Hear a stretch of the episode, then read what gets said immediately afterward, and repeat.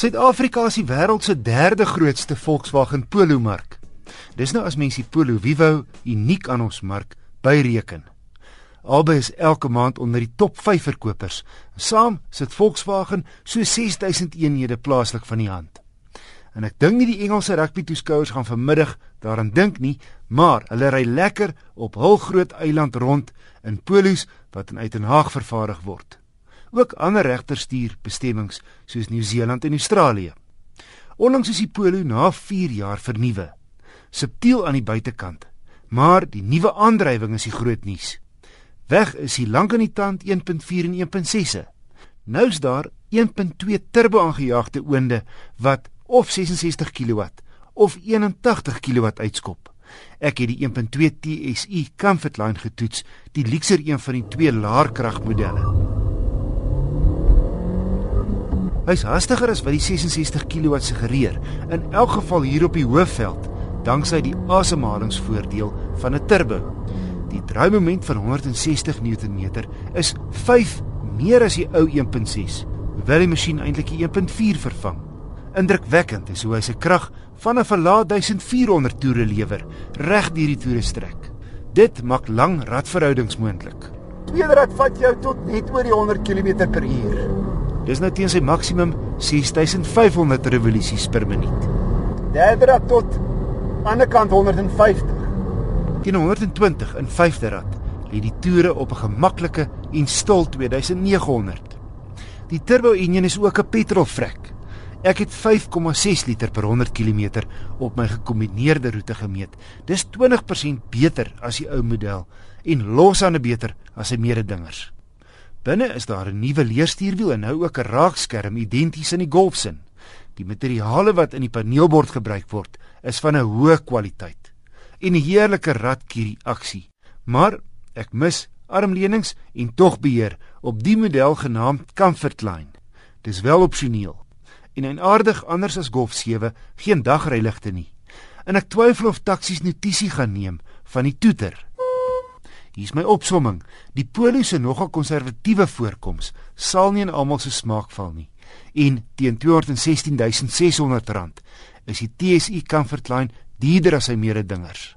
Maar sy hoë gehalte binneruim en sy gerieflike rit, 'n soepel en suiwige enjin en 'n algemene gevoel van gesofistikeerdheid wat jy net in groter en dierder motors kry, maak hom die leier in sy klas. En iets wat voorheen nie standaard was in die Polo reeks nie, is nou in die prys ingesluit, 'n 3 jaar 45000 km diensplan.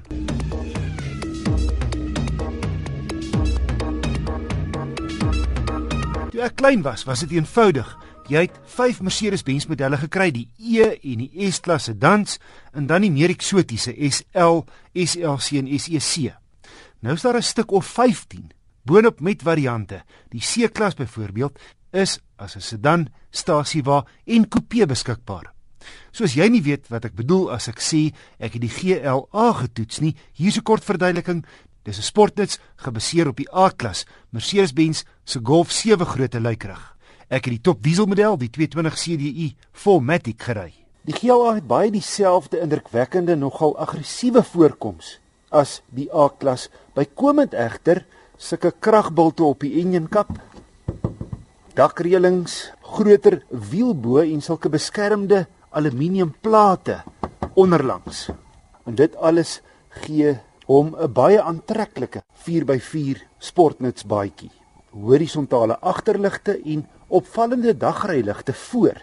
Skakel jy sê maar die linkerkant se flikkerlig aan, skakel daai kant se dagrylig eers af want die flikkerlig loop parallel en hy so meer sigbaar. Die flikkerlig strook bestaan uit sewe individuele LED ligte. Binne dieselfde hooggehalte en styl van die A-klas, hier's vyf groot liginlate, 3 in die middel en 1 aan elke kant baie gerieflike sportsitplekke en 'n groterige tablettipe skerm in die middel bo van die paneelbord waar alle funksies met 'n knop net links van die bestuurder se bobeen beheer word. Interessant is dat die outomatiese radhefboom soos met die meeste Mercedes se deesdae aan die stuurkolom sit aan die regterkant byna soos 'n flikkerlig skakelaar. Die bagasieruim is groter as die van die A-klas. Die model was met 'n outomatiese vyfde deur oopmaak funksie toegerus. Een van talle let wel duur opsies wat beskikbaar is op die GLA. Egter geen spaarwiel nie. Maar lekker ruim die bagasiebak veral as jy die agterste sitplekke sou afslaan. Kan jy maklik 'n fiets of fietsse met die voorwiel af inlaai. Kritiek op hierdie GLA: die beenruimte vir die agterste passasiers is beperk. En jy gaan nie sommer twee lang mense agter mekaar ingepas kry nie. En dan is daar net 'n opblaaskannetjie as jy 'n papband kry en kry jou band lelik seer, is jy in die moeilikheid. Nou dit en 'n relatiewe lae grondvryhoogte maak dat die deeltydse 4x4 nie juis geskik is vir veldrywerk nie. Al beskik hy oor goed soos elektroniese afdraande beheer. 'n Hoorstaande veldrypakket is wel opsioneel beskikbaar. Die ritgehalte is vir my gemakliker as die hardgeveerde A-klas. Die 2.1 turbo diesel skop 'n lekker fris 125 kW en 350 Nm uit. Die ratkas het egter soms onnodig rondgespring. Eers of jy tot 30, tweede 50, derde 80. Vierde so amper 120.